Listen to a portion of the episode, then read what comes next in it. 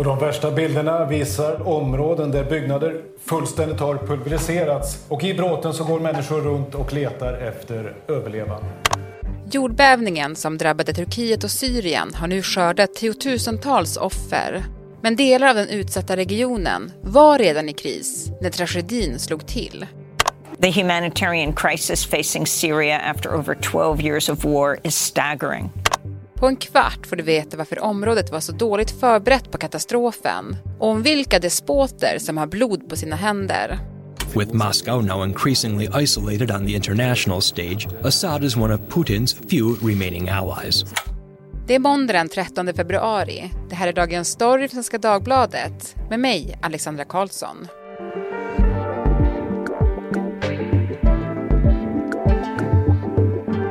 Jesper Sundén, du är Mellanösternanalytiker här på Svenska Dagbladet. Vad var det som hände den där natten till den 6 februari? Ja, det var ju strax efter klockan fyra eh, så var det en oerhört kraftig jordbävning öster om staden Gaziantep som är en storstad i södra Turkiet. Och det var det starkaste skalvet sedan 1939. Och det här faktum att det var, skedde på natten gjorde ju att människor låg och sov hemma. Och det bidrar ju till att dödssiffrorna blir så fruktansvärt höga därför att människor hade inte mm, chansen att, att ta sig ur byggnaderna och, och det är ju därför vi, vi ser sådana fruktansvärda scener nu med, med människor som grävs fram ur rasmassor och, och, då har vi ändå bara sett bara en bråkdel än så länge som har grävts fram. Mm. Och det här drabbade ju både Turkiet och Syrien. Ja, det ligger ju i södra Turkiet här så att eh, det är både södra Turkiet och framförallt eh, nordvästra Syrien som har drabbats hårt. Mm. Och det som gör det här ännu värre är ju också att det just nu är vinter där och jättekallt. Precis, det är minusgrader på, på nätterna och det, det regnar och det snöar. Och eh, det gör ju att många av de här människorna som kanske har överlevt och begravts under rasmassor chansen för dem att överleva minskar ju kraftigt när de blir nedkylda under natten och det är minusgrader. Mm. Så det, det har ju förvärrat situationen mm. avsevärt. Men jag tänker på de här bilderna som man då har kunnat se och då ser man liksom hus som bara ja, men, fallit ihop. Mm, mm. Alltså vad säger det? Ja, det är väldigt fattiga områden, eh, de här som har drabbats. Och det finns bilder från, från efterskalven när, när hus bara rasar ihop som, de bara pulveriseras.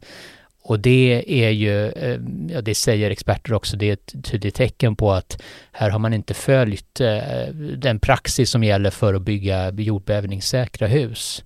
Och förmodligen har man inte ens följt eh, turkisk lag. Det finns ju bestämmelser om hur man ska bygga jordbävningssäkert eftersom Turkiet är ett jordbävningsdrabbat land. Mm. Ja, senast 2018 så, så skärpte man reglerna för hur man ska bygga. Det ska vara särskilt högkvalitativt cement och man ska arbeta med armera med järn. Och gör man det så, så faller inte hus ihop på det här sättet. Nej. Även om det är en kraftig jordbävning. Så att det handlar förmodligen mycket om, om byggfusk helt enkelt. Mm. Och det kommer bli en debatt som kommer pågå. Absolut. Ready to pop the question? The jewelers at BlueNile.com have got sparkle down to a science with beautiful lab-grown diamonds worthy of your most brilliant moments. Their lab-grown diamonds are independently graded and guaranteed identical to natural diamonds, and they're ready to ship to your door. Go to Bluenile.com and use promo code LISTEN to get $50 off your purchase of $500 or more. That's code LISTEN at Bluenile.com for $50 off. Bluenile.com code LISTEN. Jag tänkte om vi ska liksom gå in lite på de här områdena. Du var lite inne på det. Och jag tänker att vi börjar i Turkiet. Och det är en, en fattig del av landet. Ja, det är en fattig del av Turkiet eh, och det är också en, en, del av Turkiet där det bor oerhört många eh, syriska flyktingar, miljoner syriska flyktingar som, som har ju flytt då från det 12 år långa inbördeskriget i Syrien och som hoppades kunna leva i skydd där men, men som nu har drabbats av det här oerhörda slaget med jordbävningen. Mm. Och, och, ännu värre är det ju faktiskt på, på andra sidan gränsen i, i de delar som är hårdast drabbast. Det är eh, områden som kontrolleras av de syriska, den syriska oppositionen eller syriska rebeller. Eh, det är till exempel i Idlib i nordvästra delen av Syrien som är helt isolerade. De, de, de är omringade av, av, syriska regimen som regelbundet bombar dem tillsammans med, med ryska eh, stridsplan eller bombplan. Och det finns en enda övergång in till Turkiet där, där, där FN kan föra in hjälp.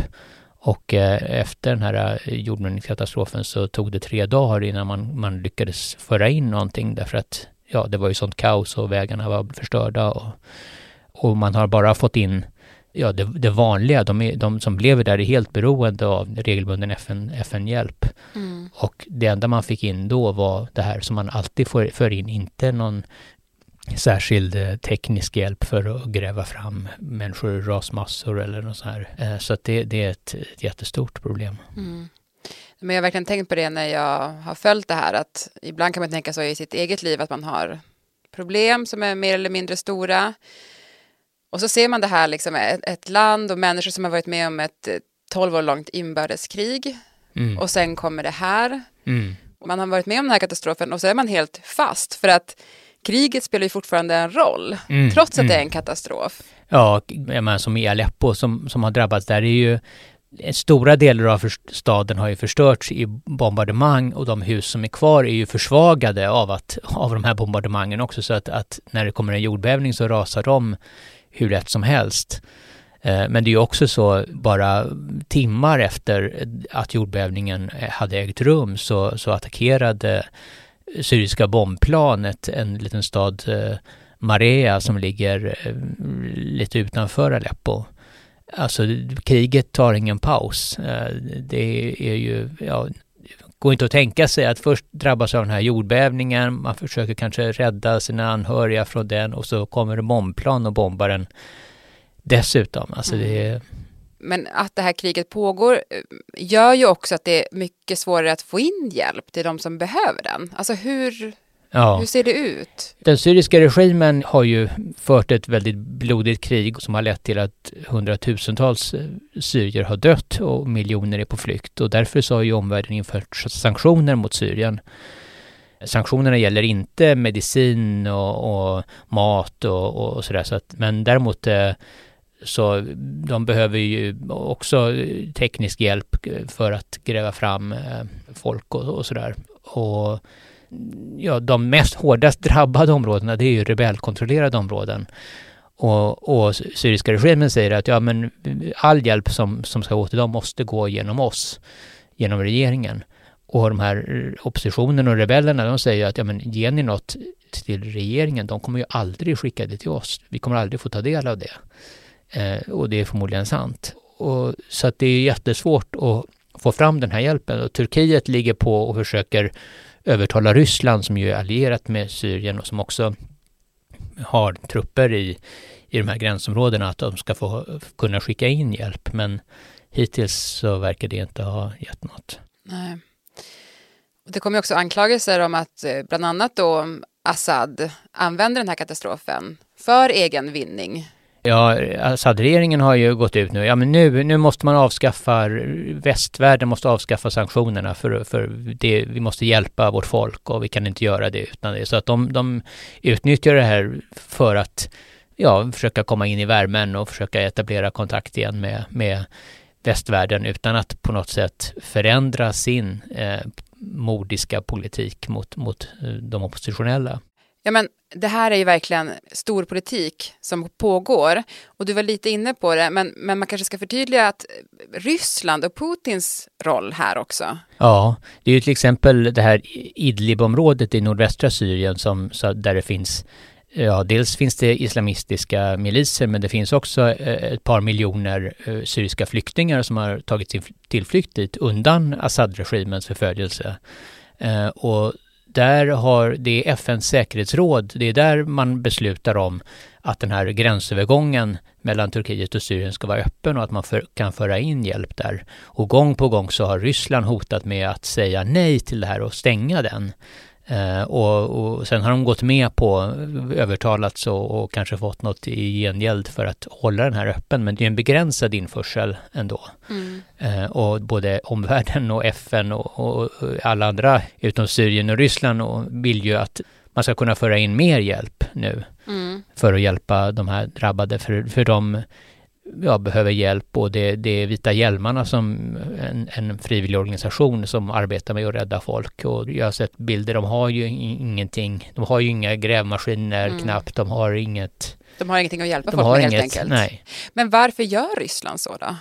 Ryssland är ju allierat med Assad-regimen och Assad-regimen vill ju ta kontroll över hela Syrien. De har ju försökt om och om igen att invadera den här delen av Syrien och de bombar regelbundet. Och det är ungefär som i Ukraina-kriget. Ryssland bombar ju också, de bombar civila i både Ukraina och Syrien och i Syrien då för att eh, stödja Assad-regimen. Mm. Så att eh, de spelar ett helt eget spel här. Ja men det här att använda katastrofer till sin egen vinning, det, det finns något otroligt osmakligt i det. Och där finns ju även en svensk aspekt. För när det här skedde så pratade man ju också om att det här skulle kunna underlätta för den svenska NATO-ansökan till exempel? Ja, det, det, kan man ju tycka, men, men samtidigt är det så, om man ser historiskt, att eh, sådana här katastrofer kan bidra till att länder kan lägga eh, konflikter åt sidan. Det, det, hände till exempel 1999 när det var en, en jordbävningskatastrof i norra Turkiet, i Izmit. Eh, och då, då, då, precis som nu, så var det ett väldigt eh, infekterad relation mellan Grekland och Turkiet som, som har många tvisteämnen. Men eh, då var Grekland väldigt tidiga med att hjälpa och, och det ledde till ett eh, ja, töväder eh, där, och mycket bättre relationer mellan Grekland och Turkiet. Nu till exempel, det sprids en bild i sociala medier över en, en eh, ja, räddning, grekisk räddningspersonal som, som bär en liten turkisk flicka i famnen som har räddats då ur de här rasmassorna och, och det sprids i, i turkisk, av turkiska sociala medieanvändare. Och, och det här kan ju leda till att, ja, att, att det blir bättre, bättre förhållanden. Och, och, och, på samma sätt så, så kan ju det faktum att, att Sverige ger ju stöd för kanske 30-40 miljoner eh, hittills och har skickat ner ett räddningsteam. Att, att är, man, är man solidarisk hjälper man till. Jag menar, det, det är självklart i sig att vi ska göra det men samtidigt när man gör det så, så skapar man ju också en annan relation och man, man, man kan bilägga de konflikter som finns. Så att det, det kan ha påverkan på, även på NATO-processen. Mm. Uh, det kommer i alla fall bidra till en bättre relation tror jag mellan Turkiet och Sverige. Mm. Forna fiender blir vänner i katastrofen mm. helt enkelt. Mm. I nödens stund prövas vännen. Mm. Du, tack Jesper för att du var med i Dagens Story. Tack själv. Programmet idag producerades av Stina Fischer, redaktör var Teresa Stenle von Matern och jag heter Alexandra Karlsson.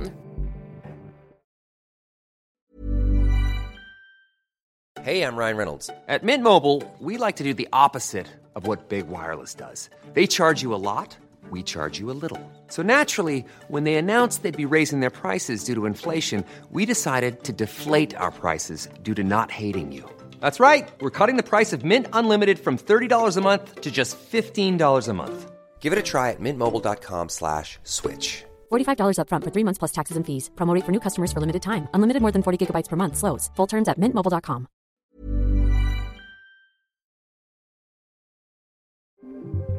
Vill du kontakta oss så mejla till dagensstory.svd.se.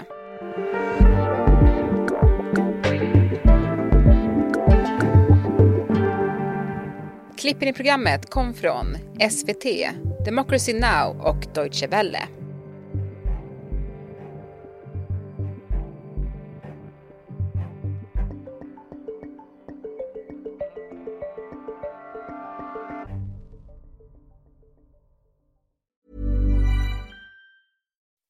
When you make decisions for your company, you look for the no-brainers. If you have a lot of mailing to do, stamps.com is the ultimate no-brainer. Use the Stamps.com mobile app to mail everything you need to keep your business running with up to 89% off USPS and UPS. Make the same no brainer decision as over 1 million other businesses with Stamps.com. Use code PROGRAM for a special offer. That's Stamps.com code PROGRAM.